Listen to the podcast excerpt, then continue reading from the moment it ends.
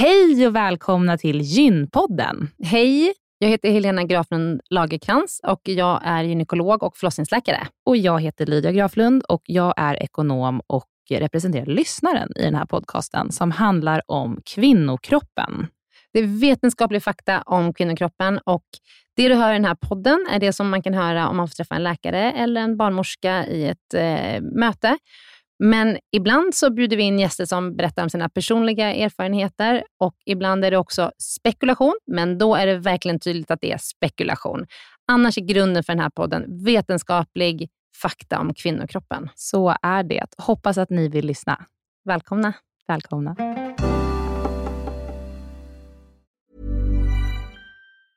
Ever catch yourself eating the same flavorless dinner three days in a row? Dreaming of something better? Well, HelloFresh is your guilt-free dream come true, baby. It's me, Gigi Palmer. Let's wake up those taste buds with hot, juicy pecan-crusted chicken or garlic butter shrimp scampi. Mm. Hello Fresh.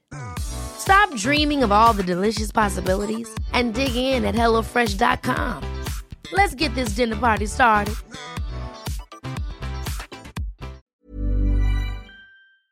Den här veckans avsnitt av Gynpodden är sponsrad av Ester Care. Och Helena, det är ju det bolaget, vårdbolaget, som du och jag har varit med och startat, där vi erbjuder digitala vårdmöten med specialister inom kvinnovård.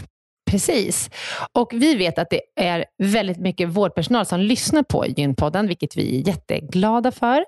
Och vi behöver alltid fler gynekologer till SDKR. Så därför vill vi nu göra en shout-out till alla er som lyssnar ute som vill vara med och förändra svensk kvinnovård. Vi söker specialister inom gynekologi, men också ST-läkare som har kommit en bit in i sin ST och som vill arbeta digitalt eh, med handledning på, hos oss på SDKR. Mm. Och precis som det är för våra patienter som kan söka vård hos oss, det vill säga att de kan bo vart som helst i landet eftersom vi är digitala. Om man laddar ner appen och så bokar man ett vårdmöte, så kan ju även läkaren bo vart som helst i landet eller flytta under tiden man jobbar hos oss. Det är ju väldigt, väldigt flexibelt eftersom eh, man jobbar hemifrån. Och Jag tänker att det måste ju också vara helt underbart att som läkare kunna arbeta hemifrån och planera sin egen tid några dagar i veckan. Ja, verkligen. Och samtidigt vara med och förändra kvinnovården med kollegor som är otroligt drivna och engagerade. Det är jätteroligt att jobba på SDKR. Och jag tycker att det här är en häftig grej som vi gör just nu, att vi erbjuder gyn, äh, gynvård i hela landet. Och vilka är de vanligaste patientmötena du tar, Helena? Ja, men det är ju klimakteriet, eh, PMS, eh, mensbesvär. Och det är ju såklart ärenden och eh, diagnoser som går att hantera digitalt. Men vi remitterar också vidare när det behövs mm. Eh, och tar labbprover när det behövs mm. och så vidare. Mm. Så gå in på sdcare.com, klicka på jobba hos oss i menyn för att läsa mer och skicka in en ansökan. Tack så mycket. Tack och välkomna. Hej och välkomna till Gympodden. Välkomna. Vi ska podda om HBTQ idag. Mm, och vår gäst heter? Vår gäst heter Lena Mögeli. Tackar. Välkommen Lena. Tack för att jag fick komma hit. Ja, det ska bli jättespännande att podda med dig, för jag känner ju till dig eh, som en gynekolog till en annan, men du är ju mycket mer eh, senior och eh, erfaren än vad jag är. Jaså? Mycket duktig gynekolog. Du har ju Gud jobbat... vad du smörar. Ja, men alltså, hon ja. är det. Okay. Vet... du säger det. och vet du vad jag också fick höra? Att du är psykiatriker. Ja. Yeah. Så du är en dubbelspecialist. Word yeah. on town. Mm, word on town. Okay. Mm, mm. Det tycker jag är spännande. Mm. Och eh, Lena, du har jobbat jättemånga år på Södersjukhus här i Stockholm och då väldigt mycket på en mottagning som heter just HBTQ-mottagningen. Gyneko heter den så? Ja, den heter gynekologiska HBTQ-mottagningen, mm. om vi ska säga så. Om man ska säga så. Mm. Har du jobbat också på samtalsenheten? Ja, lite. Men inte, inte så mycket, men, men en del. Ja, innan. Och, mm. Men nu har du bytt jobb. Ja. ja. Och är på en annan mottagning som heter Mottagningen för sexuell hälsa City. Heter det Den heter Citymottagningen för sexuell hälsa. eh, jag är, eh, det är, jag har skrivit fel här. Ja. ja det är på Mamma Mia, eh, Östermalm, uppe på Karlavägen. Så där är jag ansvarig för gynmottagningen, mm. en eh, ren och skär gynmottagning, och det här som är Citymottagningen sexuell hälsa. Mm. Och Det är ju en av tre lågtröskelmottagningar, om ni vet vad det är för någonting, Nej, för berätta. sexuell hälsa. Mm. Det finns tre stycken som man kallar för lågtröskel, där folk kan komma, vem som helst, och, och ta prover för könssjukdomar, mm. preventivmedel, mm. sexuella besvär. Eh, och Sen finns det ju två, sen två specialistmottagningar. Den ena ligger på SÖS, den andra ligger på Huddinge. Mm. Just det. Nu när jag Ja. tänker på det, känns det som att jag har varit hos dig. Senast du hade en, en könis, eller? Ja, men precis. Har Nej, du varit men... på Karlaväggen eller? Ja, på Mamma Mia Karlavägen. Ja, det var mycket möjligt. Det beror på Men- när. Tyckte att jag kände igen Men det. visst, eh, Lydia, visst är hon bra? Ja, ja, jag har ju verkligen lagt henne på minnet, uppenbarligen. Hon är fantastisk. Okej, vi går vidare. jag tackar och bugar och bockar. Ja. Mm.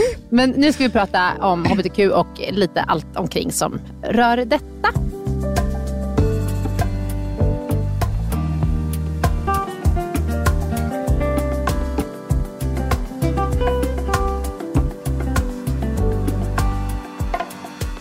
Jag tycker att vi börjar, mm, som jag alltid säger, vi börjar basic. Eh, hbtq, Lydia kan du säga vad det står för?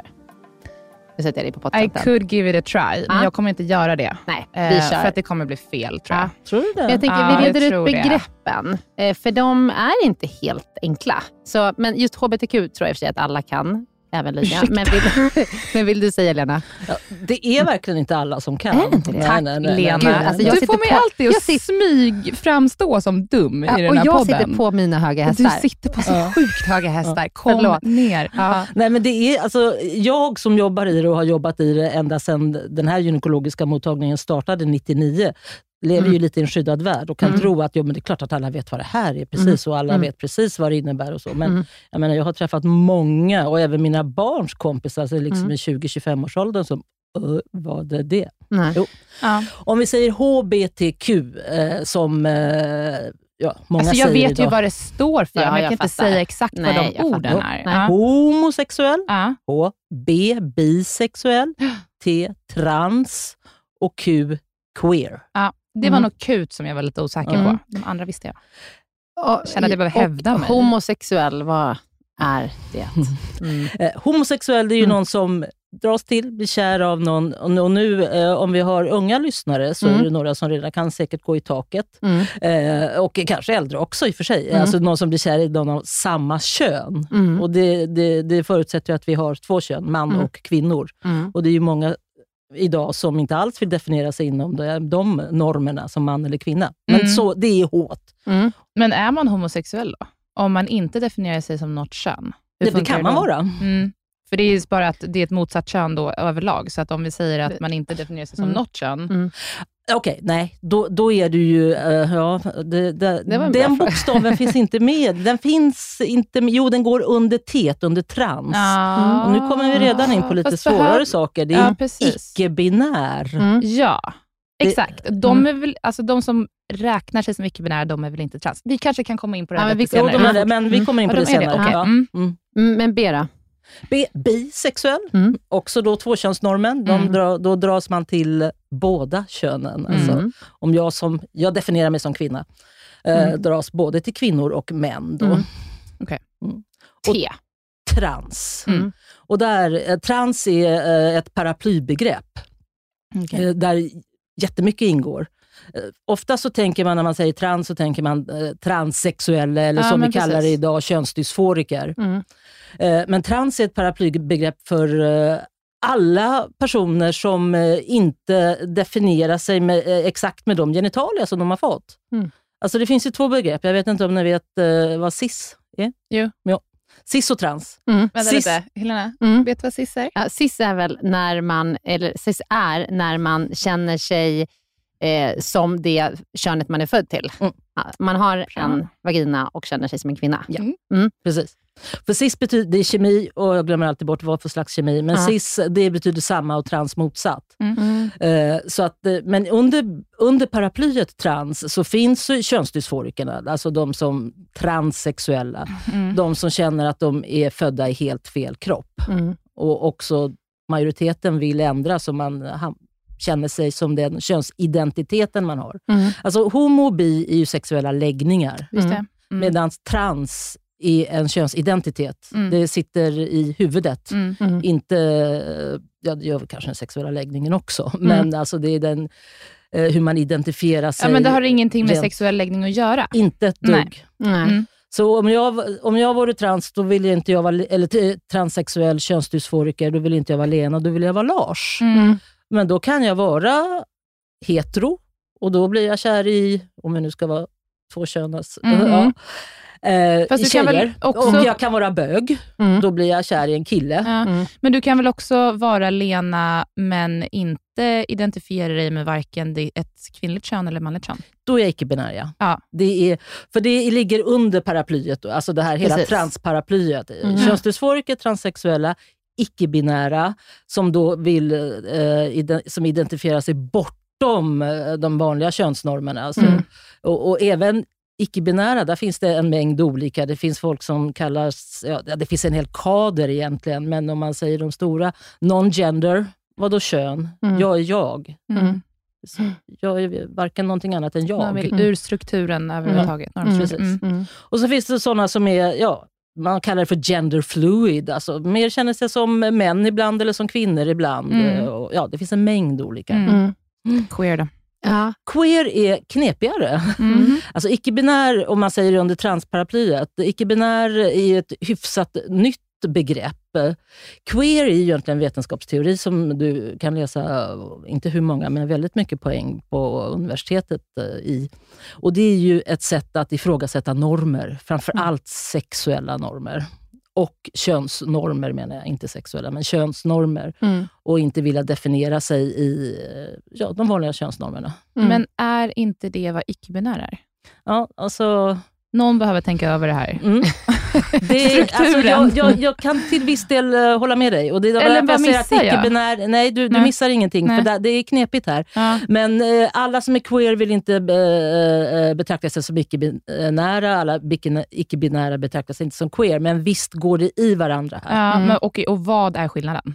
Ja, det... Eh, Den får du återkomma på ja, helt enkelt. ska du. Nej, men det, det är jättesvårt. Men queer är ju mer också en hel... Eh, eftersom det är en... Eh, ja, livs, allt är ju livsstil. Men det är ju ett frågasättande av eh, könsnormer eh, och eh, ja, heteronormativiteten och Ja, allting. Men är det att det är mer frågasättande och icke-binär är mer att man optar ur?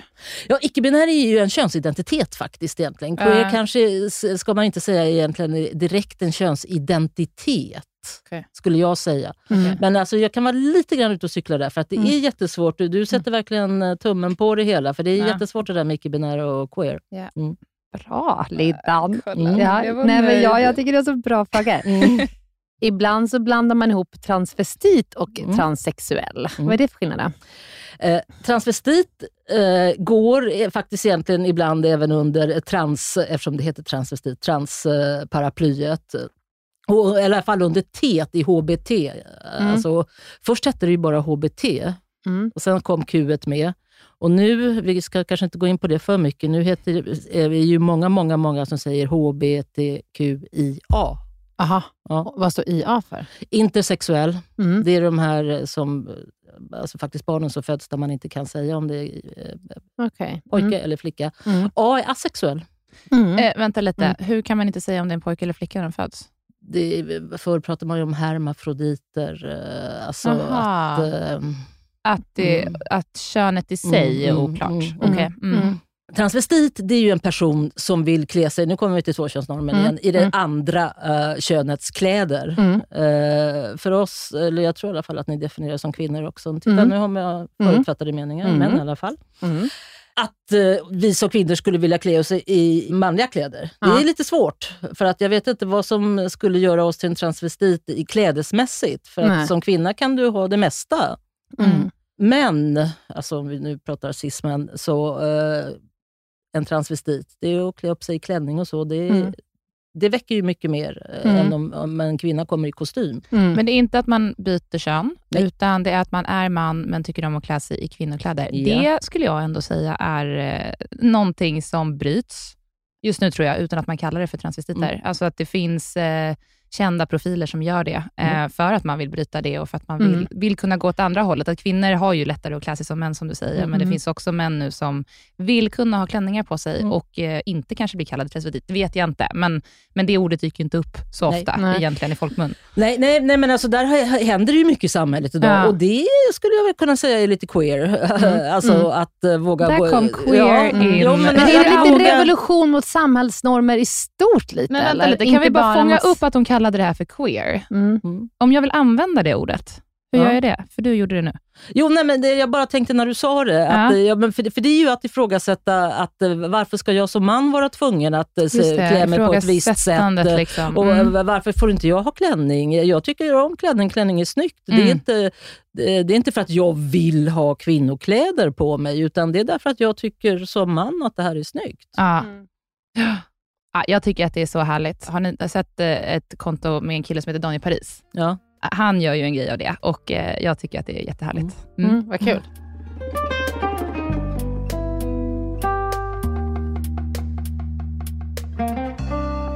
En anledning till att vi har hbtq-mottagningar, specifika hbtq-mottagningar, är ju för att eh, många som är inom den gruppen känner sig diskriminerade inom vården. Nu pratar vi inom vården för att det här är gynpodden, men de känner sig nog diskriminerade inom många olika delar i samhället. Och Det har ju just med den här norm- heteronormativiteten att göra. Vad är det för något? Ja, alltså, vi har ju kommit jättelångt i Sverige, det är helt klart. Mm. Det är en av de länderna som har kommit längst skulle jag säga i världen. Men eh, det är fortfarande så att eh, heteronormativiteten, den normala, och det syns inte att jag gör citationstecken, men Mm. i alla fall. Man Eh. hör det på tonen. Det normala är att vara heterosexuell. En man blir kär i en kvinna.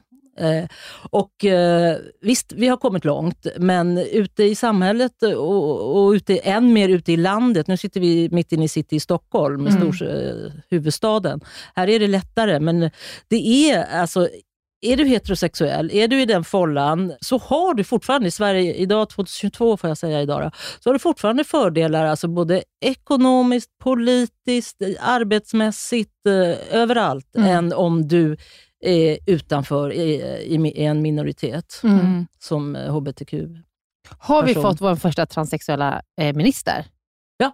Ja, det är ju fantastiskt. Mm. Lina Äntligen. Axelsson, nu tappar jag hennes ah, sista namn, hon har ett dubbelnamn. Mm. Mm.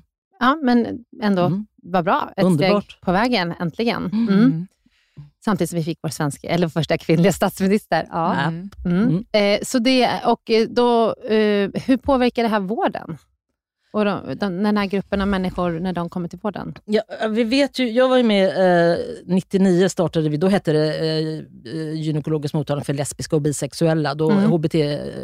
HBTQ-begreppet fanns ju inte då. Nej. Det är därför att eh, man har sett, eh, framförallt utomlands, då fanns det ingen forskning i Sverige alls, men utomlands har man sett att, eh, om vi nu pratar lesbiska, mycket mer sällan gick till gynekolog, vi på Gynpodden, Mm. Mm. gick till gynekolog överhuvudtaget och, en, och tog cellprov i mycket mindre utsträckning. Och mammografi i mycket mindre utsträckning än heterosexuella kvinnor. Alltså förebyggande sjukvård. Mm. Och Det finns en dansk studie nu, som den kanske har fem år på nacken nu, men som har visat att den van, eh, vanligaste dödsorsaken hos lesbiska är cancer eller suicid. Mm, Och, och då har Mm. man slu, dragit slutsatsen att, eh, att eh, så många dör i cancer är för att de typ söker vård. Överlag har man dragit Okej. det. Ja. Men att man söker vård för sent. Man är rädd, alltså, man är rädd för att söka vård. Är det samma sak eh, bland eh, män? Till viss del ja, absolut. Mm. Eh, sen å andra sidan så har det, om jag pratar Stockholmsperspektiv i alla fall, eller storstadsperspektiv i Sverige, så har det ju redan sedan länge funnits specifika mottagningar för män som har sex med män. Mm. Och det, I större utsträckning än för kvinnor som har sex med kvinnor? Absolut. Mm. Mm. Men det, det, det kom ju HIVs kölvatten framför Ja. allt. Mm. Eh, Jag läste att den första, nu var det bara på, på det ämnet, men Mm. att den första eh, kvinnan har blivit frisk från HIV, eller har, smitt, eller har eh, Blir friskförklarad från ja, HIV. blivit Mm. friskförklarad ja, men det HIV. hörde jag någonstans Mm. också. Ja. Läste det i veckan. Mm. Ja. Det stämmer. Jo, men att eh, om vi nu pratar lesbiska eller Mm. kvinnor eh, dra sig, eller hbt-personer överhuvudtaget dra sig, det är för att söka vård, det är för att man är rädd för att bli bemött av fördomar. Mm. Ja. Men Eh. vad är det för fördomar? Eh, det, alltså, det behöver absolut inte vara fördomar, men det är, det är så här, lev, eh, om man har vuxit upp, eh, all- alla vet att vara tonåring och försöka hitta sin sexualitet eller sin identitet är jättesvårt, Mm. oavsett vad du har för könsidentitet eller sexuell läggning. Mm. Jag menar, det är inte roligt att vara tonåring. Nej. Eh, men om du då känner att nej men gud, jag är inte som alla andra, Mm. till exempel om du är homosexuell, Mm. så, så det måste vara något fel på mig. Eh, och eh, många blir mobbade. Och, när, och om vi pratar trans så är det ju ännu mer alltså att de har blivit mobbade, blivit utsatta för uh, både det ena och det andra. Och vad är skällsordet för grabbar på högstadiet fortfarande? Mm. Mm. Jävla bög. Mm. Mm. Mm. Mm. Sant. Eh, och, och, så har det sett ut och det gör ju någonting med, med personen. Det gör Mm. med, någonting med ens självkänsla och då får man någonting som kallas för minoritetsstress. Och det är inte bara hbtq-personer som har minoritetsstress. Det kan Nej. du ta vilken minoritet som helst. Mm. Etniska, alltså rasifierade och här hemma i Sverige extremt överviktiga till exempel. Mm. Jag menar, you name it, det finns hur mycket som Mm. helst. Men just när det gäller hbtq-personer så är det ju, handlar det om sexuell läggning eller könsidentitet. Och redan det är ju ett tabuområde, så att säga, sexualitet. Mm. Jag vet när jag började föreläsa om det här, Mm. nu är det närmare 20 år sedan i alla fall, så var det kollegor till mig som sa, "Va? fråga om sexualitet, aldrig i livet. Mm. Och det har jag hört eh, ganska sent, Mm. att eh, det gör man inte. Nej. Men eh, jag säger inte att folk har fördomar. Alla, I och för sig, vi har alla fördomar Mm. på ett eller annat sätt. Men jag säger inte att eh, vårdpersonal alltid har fördomar visavi eh, hbtq-personer, men personerna är rädda för att bli bemötta av fördomar. Mm. Och därför drar man sig hellre. Mm. Och vad tror du att det är som... Eh, för det kan ju vara så här att man upplever eh, att eh, man utsätts för fördomar och diskriminering, fast personen i fråga kanske inte, alltså den vårdpersonalen man möter kanske inte tänker att det är det. Mm. Det vet du liksom exempel som... Som för- man som vår för det- personal kan tänka på. Ja, men en, en sak är ju till exempel att, att vi, att, och det har ju vi slutat med, att vi, att vi frågar våra kvinnor, har du någon eh, man? Ja. Utan att man säger, har du en partner? Mm. Och, och Det tror jag att nästan alla har slutat med, att man liksom inte förutsätter att man lever med en man. Alltså i, inom vården. I vården, I, ja. Kvinnovården. Exakt den här diskussionen hade vi eh, hade jag med några kompisar förra veckan. Men jag måste bara säga kvinnovård, jag tror inte att det är så här generellt. Nej, men det är det inte. Nej. För att jag gör ändå så eh, nu. Det var efter att vi hade poddat med någon och jag kom att tänka på hur man har förutfattade meningar. Mm. Så mötte jag en Mark, nu blir, eh, nu blir det lite detour, nu Mm. mötte jag en man i hundparken, jag var där med min hund. Så var han där med sin hund och så stod vi och pratade lite. Jag bara, men våra hundar har ju träffats förut, men då var det inte du. Då var det nog din, och så kommer inte jag ihåg vilken person det var som hade varit där Mm. med den hunden. Mm. Och jag var på väg att säga fru. Mm. Så kom jag på mig själv. Jag bara, men det var med din partner. Han bara, ja precis. Det var nog Gunnar, Mm. min man. Mm. Jag bara, just det. Just Gunnar var det. Mm. Så blev jag väldigt nöjd Ja. att jag kom Ja. på mig själv. Men, eh, och vi pratade om det här, för jag frågade mina kompisar då, tänker ni på det? Och nej, det Mm. var det ingen som gjorde. Nej. Däremot så efter att folk har lyssnat på den här podden nu, Mm. då kommer folk börja Mm. tänka på det. Mm. Men i vården gör ni det? Ja, Mm. inom kvinnovården tror jag att det är utbrett. Ja, Lena. jag hoppas det. Eller det har i Ja. alla fall blivit mycket, mycket, Ja. mycket, mycket mer. För det här har ju disk det diskuteras ju hela tiden, just Mm. att, eh, eh, att man ska, inte ska förutsätta att folk är heterosexuella, Nej. utan att man säger partner. Mm. Absolut. Så jag tror, att vi har, jag tror att vi har kommit långt, men vi är Mm. inte i hamn. Nej. Eh, Du frågade ett ex- exempel. Eh, De vanligaste exempel som jag hoppas är började i slut nu, det är det här när lesbiska kvinnor kommer ut med p-piller eh, fast de lever kanske i en lång relation. För att gynekologen har frågat, eller barnmorskorna har sagt, men har du något preventivmedel? Nej, men det måste Mm. du väl ha? Och så vågar personen inte säga. Nej, men då kan man i och för sig Mhm. käka p-piller av andra orsaker, säger, Jo, tänker jag. Men, men du tänker just ur preventivmedelssynpunkt. Ja, eftersom de frågar, har du ett Mm. preventivmedel? Mm. Mm.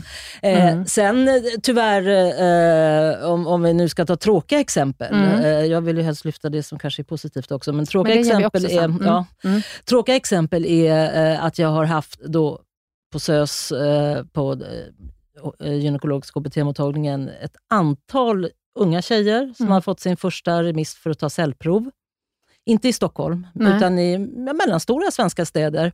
Eh, som har gått till barnmorskan och så har de liksom försökt, nej nu ska jag verkligen visa vem jag är. Och det här Mm. är lesbiska tjejer. Och så sa de att ja, men jag har flickvän. Och då säger barnmorskan, men då behöver du inte ta cellprov. Nej. Ja. Okej. Och det var framförallt två tjejer. Den ena gick tillbaka två gånger och Mm. blev nekad. Då kom de till eh, mig istället. Ja. För då tänker den barnmorskan att du kan inte bli smittad med Hög risk, eh, de här HPV. Ja. Precis. Men, det, stämmer ju inte. Nej, men Nej, det det stämmer. absolut inte. Dels kan du absolut bli smittad via eh, en kvinna. Ja. Mm. Eh, Det beror ju precis på hur du har sex. Plus Mm. att man har ju, vad jag förstått, visat faktiskt att det här HPV kan ju vandra uppåt. Det behöver Mm. inte alls komma direkt mot livmodertappen. Det kan ju vandra upp i slidan. Mm. Mm. Mm. Plus att det här klassiska, den, den du har sex med, då har du sex med alla de som den har haft sex med innan också. Mm, alla får ta ja. cellprover. Ja, ja, ja, verkligen. Och det är ju faktiskt så att uh, av kvinnor som definierar sig lesbiska, så är det mellan, i alla studier som finns, mellan 80-85 procent som har haft sex med en man någon gång. Mm, mm. Så ja, det, det, där är ju bara ren okunskap, ja. men uh, det är ju sorgligt att mm. inte barnmorskor vet det, kan man tycka, ja. över hela Sverige.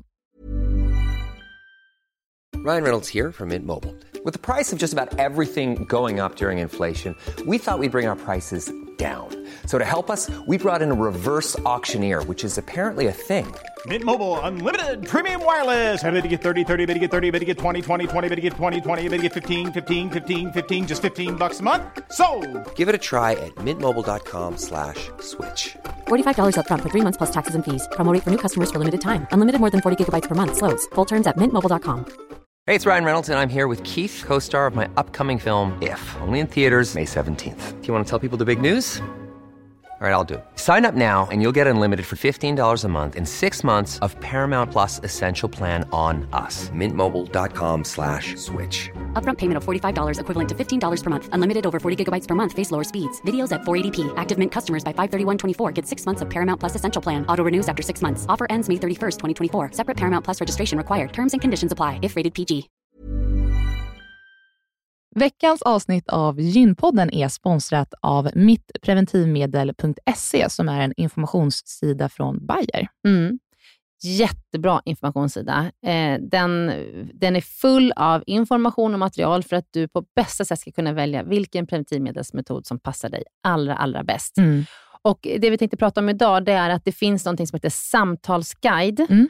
på den här sidan. Mm. Och Det är ett formulär där man har får en massa frågor, till exempel så här, att komma ihåg att ta med preventivmedel dagligen är inget problem för mig, eller ibland svårt, mm. eller inte min grej. Mm. Eller um, om jag blev gravid nu och så vidare. Liksom. Så att man får kryssa i en massa frågor och ta ställning och fundera innan mm. du träffar din gynekolog eller barnmorska, så att du liksom verkligen får med alla frågor som är viktiga för dig i det där mötet. Ja. Så man kan fylla i den på den här hemsidan, så kan man skriva ut den här blanketten och ta med den. Ja. Jag skulle säga att, att det verkar som att det är framförallt fyra kategorier som mm. är väldigt viktiga. Och sen, mm. så, sen så spelar det ju in vad du har tagit innan och hur det funkat för dig och, mm. så där, och din historik. Men det verkar ju som att det handlar mycket om hur liksom ordningsam man är, eller hur strukturerad man är, att kunna ta någonting dagligen. Mm. Eh, hur viktigt det är att man inte blir gravid. Eh, användning av hormonella preventivmedel eh, och om man vill påverka sin menstruation på något sätt. Så mm. det verkar som att det är de fyra kategorierna som man, man bör fundera på innan man väljer ett preventivmedel man får bra guidning i hur man ska svara på de här, eh, med olika kategorier, olika svar. Och Sen så tar man med sig det till sitt möte med barnmorska och gynekolog och då är man väl förberedd. Mm. Och Jag lovar er att om ni gör det här innan ni går eh, till en barnmorska eller gynekolog, då kommer ni få mycket bättre hjälp. För att det här är liksom ingenting som bara finns i en, utan man måste liksom fundera lite på ja. så vad är viktigt för mig. Vill jag ha mens eller inte? Ja. Och så vidare. Så att, gå in på mittpreventivmedel.se och titta runt där och gör den här eh, ja, samtals, samtalsguiden. Ja, samtalsguiden. Tack Bayer för att ni har utvecklat denna braiga sida om ja, preventivmedel. Den är otroligt bra. Mm. Tack så jättemycket. Tack. Ja, Okej, okay. så det var ju lite tråkiga exempel. Har du några mm. bra exempel? Tycker du att förändras eh, synen och eh, vårt sätt att bemöta? Jo, mycket har förändrats. Mm. Alltså otroligt. Jag menar mm. bara alltså, till exempel att jag sitter här, är mm. underbart. Mm. Eh, och att eh, eh tidigare då på SÖS så utbildade vi, jag och eh, en av våra kuratorer, vi utbildade så gott som hela SÖS i HBT mm. och eh, folk, hela kvinnokliniken. Och det är över 600 anställda. Liksom. Det, mm. det finns ett intresse. Mm. Och att vilja göra rätt, göra bra. Vad mm. utbildar ni dem inom då? Ja, HBT, alltså del, dels alla de här definitionerna. Mm. Alltså nu drog vi det lite och kort, för, mm. men, mycket bredare, mycket mm. större och med frågor som folk kan ställa. Eh, bemötande. För att eh, man kan ju tycka och tänka att ja, men jag, men jag bemöter ju alla precis likadant. Mm. Det är klart, det spelar ingen mm. roll vem jag har framför mig. Jag bemöter mm. dem likadant. Men man ska veta att med HBT-personer eller HBTQ-personer så, så finns det här bagaget mm. med, att, eh, med minoritetsstressen, med att uh, många, absolut inte alla, men man vet att de som mår dåligt mår sämre än vad hetero gör. Mm. Och alla har lite av det här som kallas för eh, internaliserad homofobi. Internalisering. Mm. Homofobi. I, ja. Vil, vilka alla har det? All, eh, jag Alla skulle människor? Säga, alla, alla hbtq-personer har det på ett, alltså, på ett eller annat sätt. Vad är det för något? Jo, det är eh, just det här som jag pratade om, om man, när man växer upp, om du får höra bögjävel eller om du får höra att jag menar, ja, flata eller vad, vad, du, du har bara träffat rätt kar eller har varit mobbad eller vad som helst. Så tar man ju det till sig att det är nog något fel på mig. Det är någonting som är, jag är inte som alla andra och jag borde väl vara så. Och, och det är det som är den internaliserade. Men hur, varför kallar man det för homofobi? För det har väl att göra att man eh, Mm. har en negativ Mm. eh, syn till människor som är homosexuella. Mm. Då, har, då menar du att människor som är homosexuella själva har en internaliserad homofobikänsla Ja.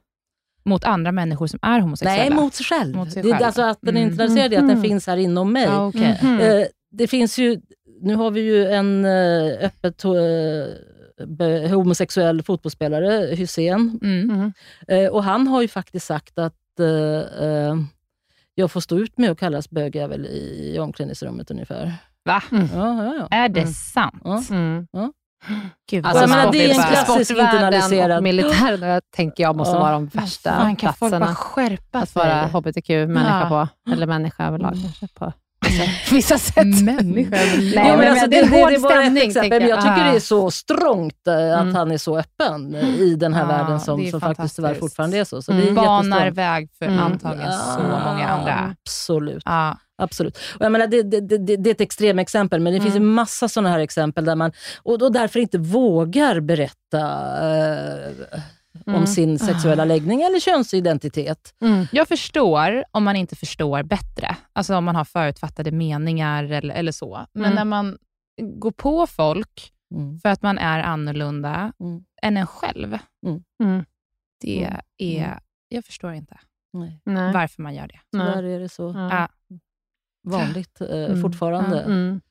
Mm. Eh, jag, säger, det, jag skulle inte säga att det är så vanligt i vården. Nej. I vården är det, Nej, det snarast i sådana fall vanligt med, eh, vanligare, eller mindre ovanligt, med eh, okunskapen. Mm. Eller att vi råkar säga fel. Just, jag säger fel ibland. Ja, Men då precis. handlar det ju om att säga att sorry, nu Ja. blev det Mm. fel. Ja. Jag har ett underbart exempel från förlossningen just, eh, eh, där det var ett samkönat par, två kvinnor. Och så kommer barnmorskan in och eh, säger, jaha, hej, och vem är du? Är du eh, syster eller kompis? Mm. Och den här kvinnan blir... Mm. Och Mm. säger, nej, det här är min fru. Mm. Och då säger barnmorskan, okej, sorry, jag backar, jag går ut och så kommer jag tillbaka igen. Ja, det är bra. Mm, det är bra. Och så ja. blev det jättebra. Ja. Mm. Bara vi vågar erkänna. ja såklart. Mm. Mm, bara Ja, vi vågar menade erkänna. ju inget illa med Nej. det. Nej. Men, men, Men hon kommer inte göra om det. Aldrig. men bara vi vågar erkänna att, Mm. att vi, vi faktiskt vi, vi slinter med tungan, vi, vi gör fel, så, så Mm. brukar allting bli bra. Att Mm. inte vara för stolt. För att det är viktigt att veta att vi som vårdpersonal, Mm. eh, vi, vi sitter ju på en maktposition.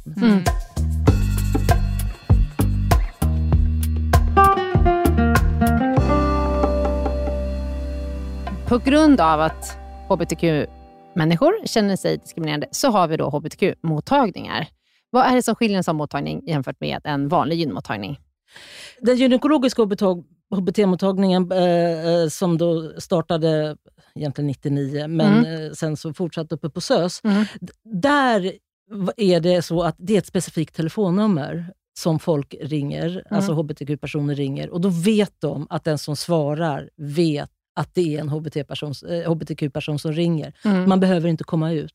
Nej. För det är det här som är det svåra. Mm. Och nu har jag ju många patienter som har kommit med mig till min nya mottagning, för de vet eh, att eh, när de ringer dit så vet de att jag finns där och då Mm. törs de.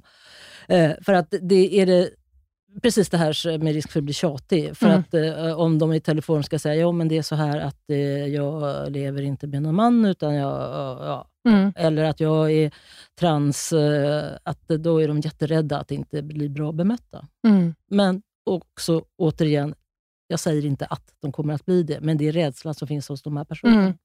Hur ska man navigera i vården om man till exempel är icke-binär eller inte? Ja, men, ja. Det är jättesvårt. Ja. Det är svårt. Vi, vi Eh, fick till och med faktiskt en fråga om det. Om man är icke-binär snittbärare, hur Mm. ska man då navigera i vården? Eh, ja, vad vill du ha för vård? Eh, i frågan. Alltså, gyne gynekologiskt, då ska du ju till en gynekolog. Mm, såklart. Och det är, väl- det är väl så att lite grann eh, djungeltrummorna går ju, och det har de ju gjort sedan 80-talet, vilka gynekologer som är bra att gå till och vilka man inte ska gå till. Mm. Och nu finns ju gynekologiska HBT-mottagningen på SÖS och vi finns här uppe på Mamma Mia. För Mamma Mia är ju också egentligen känt för regnbågsfamiljer. Eh, De har ju Mm, hållit på, okej. Mamma Mia Söder har ju hållit på sedan ja, 2001 eller något sånt där med just eh, samkönade par, eh, gravida par. Mm. Finns det här i resten av landet också, eller är det här i Stockholm? Mamma Mia finns i Malmö också. Ja, men just det här. HBTQ. Ja, Alltså, alltså, när det. Det är i Stockholm, eller? Mm, mm. Det- Alltså man har försökt på andra ställen och då är det, eh, alltså om vi pratar gynekologi, Mm. eh, man har försökt på andra ställen och då har man blandat, alltså ha mottagningar för hbtq-personer, eh, men blandat eh, både kvinnor och män och då är det tyvärr så att kvinnorna försvinner. Mhm. Mm. Mm. Eh, men det, fin- det, det, den, det finns inte något annat rent gynekologiskt för eh, hbtq-personer, nej. Mm. I hela Sverige förutom Nej. här i Stockholm? Nej. Men, Nej. Okej. Nej. Nej. Jag trodde åtminstone att det fanns på Nej. universitetssjukhusen. Inte, Nej. alltså inte specifika mottagningar, Nej, nej. jag. Sen Nej. finns det ju självklart liksom eh, personer som är jättebra på det här Mm. i, i många städer. Mm. Och det, där är också djungeltrumman som går. De vet, man, Man vet man flesta ska vet vad man ska gå till. Mm. Men det här med att de, inte, att eh, de här kvinnorna som tillhör den här gruppen inte, till, inte lämnar cellprov, har det förbättrats de senaste åren? Vet du det? Eh, det För finns den, ingen den forskning studien på gjordes 2000...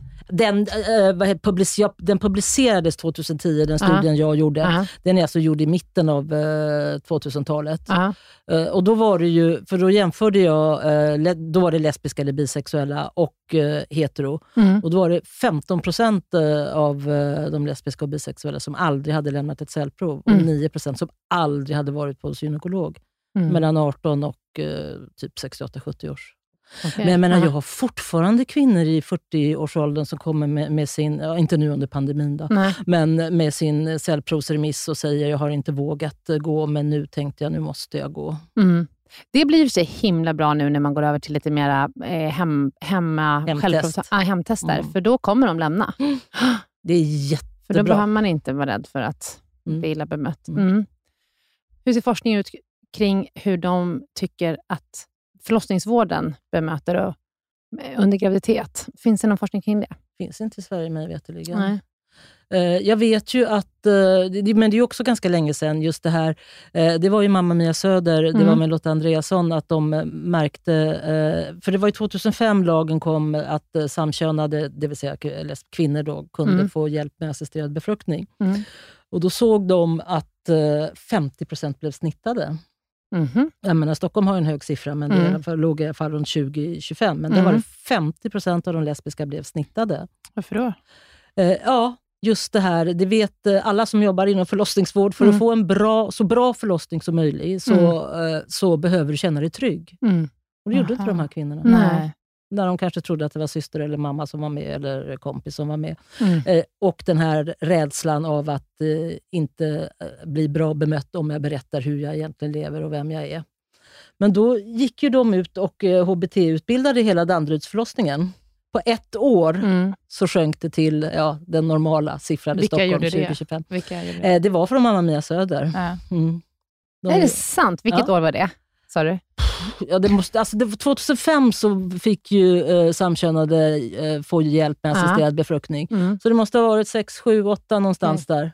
Det var innan jag började. Ja. Mm. Så det, alltså det tog bara ett år Ja. eh, när då personalen eh, Blev medvetna. Ja, blev Mm. medvetna. Så sjönk siffrorna. Och det, alltså det är ju så talande. ja, det är Ja, det så är det. talande. Mm. Ja. Bra utveckling. ja, mycket.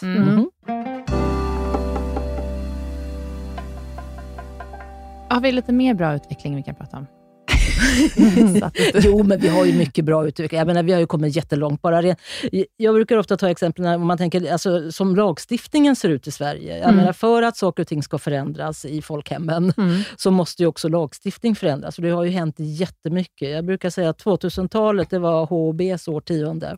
Mm. För då 03 så fick man eh, fick, eh, samkönade adoptera. Mm. Och Då tänker vi ofta utlandsadoption. Alltså lagen gick igenom adoption. Mm. Men det viktigaste var ju närstående adoption. Mm. För innan dess, om det var två kvinnor som hade barn, så kunde de bara ha, och inte hade en aktiv pappa, Mm. så var det bara den ena som fick vara juridisk förälder. Mm. Mm. Den andra hade ingen rätt till barnen. Fram till 2003. Ja. Mm. Mm. ja. Och det var inte länge sedan vi fick rösträtt som kvinnor. Nej. Så att, Nej. Men ändå. Nej, men, Mm. så att om, om, om jag ska bli lite personlig så är Mm. båda mina barn, jag var ju ensamstående, fullständigt ensamstående Mm. Mm. med dem. Men Eh, vilka kan år kan fick vi du barn? utveckla det lite? Nej. Mm. Vad Jo, vilka år fick du barn? Jo, vi, 96 vi, och 01. ja. Men eh, det, eh, ja, ja, jag kan utveckla, eh, för att eh, då, eh, då var det ju inte heller okej i, i Sverige då att, eh, med assisterad befruktning. Eh, Så att eh, de har kommit till i Köpenhamn. Mhm. Eh, Och eh, då fick vi, jag ju gå på sån här, man fick gå till SOS för faderskapsutredning, som alla får som inte är gifta, eller hur? Mm. För är man heterogift, då är, då är, är, Då är man, pappan då, är pappan. Ja, då, då är mannen far till barnen. Men är man sambo, aj, aj, aj, aj, aj, aj, aj. De där ogifta, det vet man ju hur de är. Ja, ja. Men så vi hamnade på SOS, eh, jag och min dåvarande. Och eh, jag sa att men jag vill att Anette ska följa med, för vi lever ihop. Det är vi som har skaffat barn, även om jag är biologisk mamma. Mm. Och Den här damen tittade inte ens på henne, utan hon fick sitta kvar ute. Och så fick, hade hon något så färdigt formulär, ni vet. Mm. Och så frågade hon och så frågade hon. Och det här var alltså 90, 96, 97. Mm. Hon är född november 96. Så frågade hon, så frågade hon och så frågade hon. När hade du sex med en man senast? Ja, 1986. Hon lyfte inte Nej, men, pennan. men hur känner du då? Alltså, Nej, jag, blev du nästan lite, eller vad kände du då? jag, bli- alltså jag sa ju så här, jag vill att Anette ska vara juridisk förälder. Mm. Ja. Nej, du får skylla dig själv. Jag sa, jag skyller mig Vänta, själv. skylla sig själv på vilket Ja, sätt då? jag, säger, vadå skylla mig själv? Jaha, om, om, om ni och samhället anser att jag är ensamstående och att Anette inte finns som förälder, Mm. eh, men då har jag ju, eftersom faderskapsutredningen avskrevs Mm. ju direkt, då Mm. har jag ju rätt till underhållsbidrag, eller hur? Inte för att jag gjorde det Mm. för pengarnas skull, Nej, alltså, jag utan det var ju fattar för, poängen. ja. Ja. Och då sa kassan bara, nej, det var då de sa du får skylla dig själv. Och då sa jag, Mm. men det här är ju inte för min skull, det är ju för barnets skull. Mm. Ja.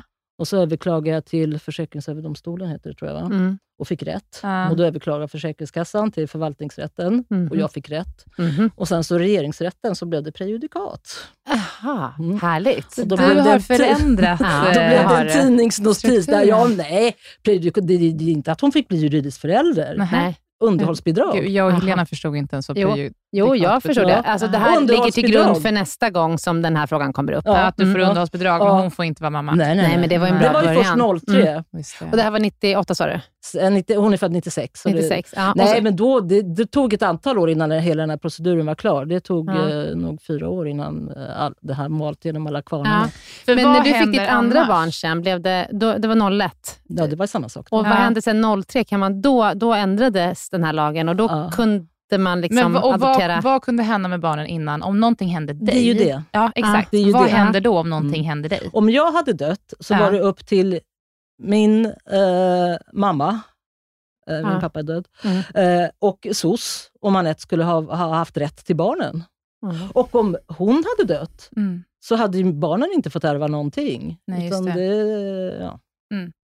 Okej. Ja, men Mm. nu är det här Men, ändrat. men det är sen, ändrat. sen det, det, adopterade... jo, sorry, det var ju där vi var. Ja. Ja. Och det hände 03. Ja.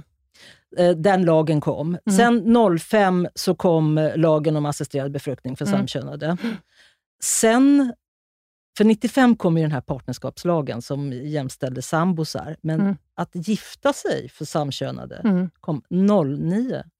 Fattar ni? Ja. Mm, det här är inte... Det känns inte som länge sedan. Nu Nej. börjar det bli lite länge sedan. Ja. Nej, men det- men det, men, men det ja, det är är 13 år sedan. Ja, men precis. 13 år, det är inte lång tid egentligen.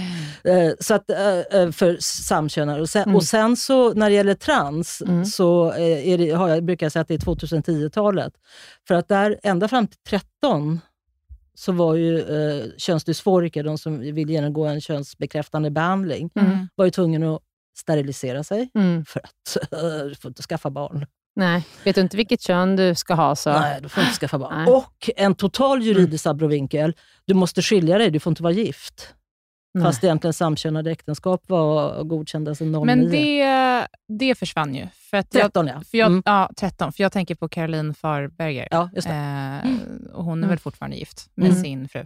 Absolut. Nej, men, Ja. men, alltså det är, men, men det är Ja. 13, det är nio år sedan. Mm. Ja, men det här, Mm. ja, det har Mm. hänt mycket nu. Mm. Och det, det, var, det var ju där vi började. Ja. Har det hänt någonting? Ja. Det har Vad hänt har vi under kvar då 2000-talet. att lagstifta om? Vad många eh, diskuterar och pratar om det är ju varför ska man bara kunna ha två juridiska föräldrar? Mm. Om det är såna här, eh, om det är eh, stjärnfamiljer, Mm. där det faktiskt är till exempel två kvinnor som har skaffat barn med två män. Och att, Mm. Varför ska inte alla kunna få vara juridiska Mm. föräldrar? Mm. Och, rätt, och att barnen har rätt till det. Mm. Eller att föräldrarna har rätt till det. Mm. Det är en Mm. av sakerna. Mm. Ja. Ändra på konstellationen av hur man definierar då en familj En enligt lagen. Ja. Liksom.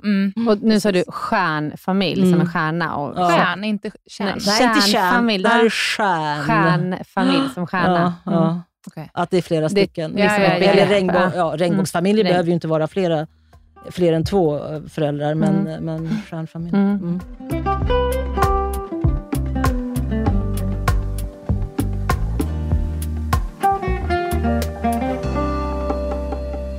Ja, vad spännande. Ja, jätte. men man blir ändå, jag blir ändå glad. Alltså, jag blir ledsen när jag hör hur diskriminerade många känner sig och bemötandet och att man inte söker vård och så. Men ändå att det går framåt hela Mm, tiden. det gör det. Hur ser det ut i resten av eh, världen jämfört med Sverige? Är det några länder som är före oss? Eller, Ja, alltså Holland har ju alltid varit fr- framåt. Okej. Danmark Mm. har alltid varit framåt. Ja. Eh, Det, är- det är en, en del länder som är klart är framför oss. Mm.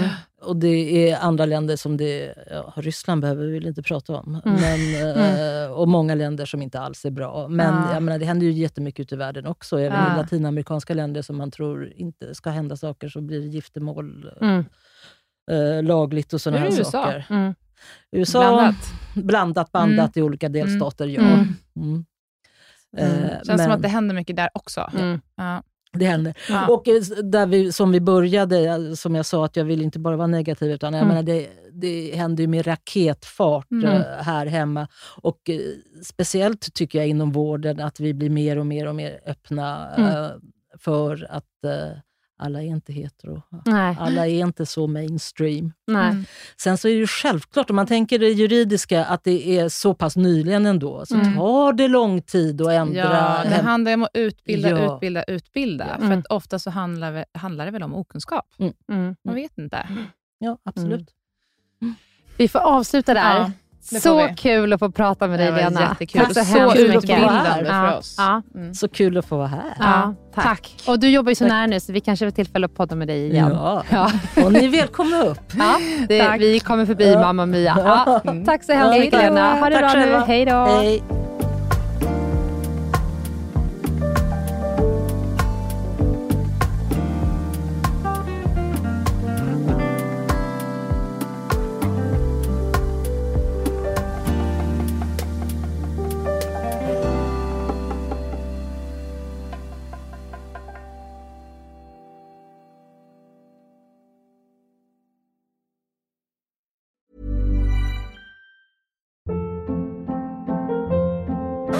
Hold up. What was that? Boring. No flavor. That was as bad as those leftovers you ate all week. Kiki Palmer here, and it's time to say hello to something fresh and guilt-free. Hello Fresh. Jazz up dinner with pecan-crusted chicken or garlic butter shrimp scampi. Now that's music to my mouth. Hello Fresh. Let's get this dinner party started. Discover all the delicious possibilities at hellofresh.com.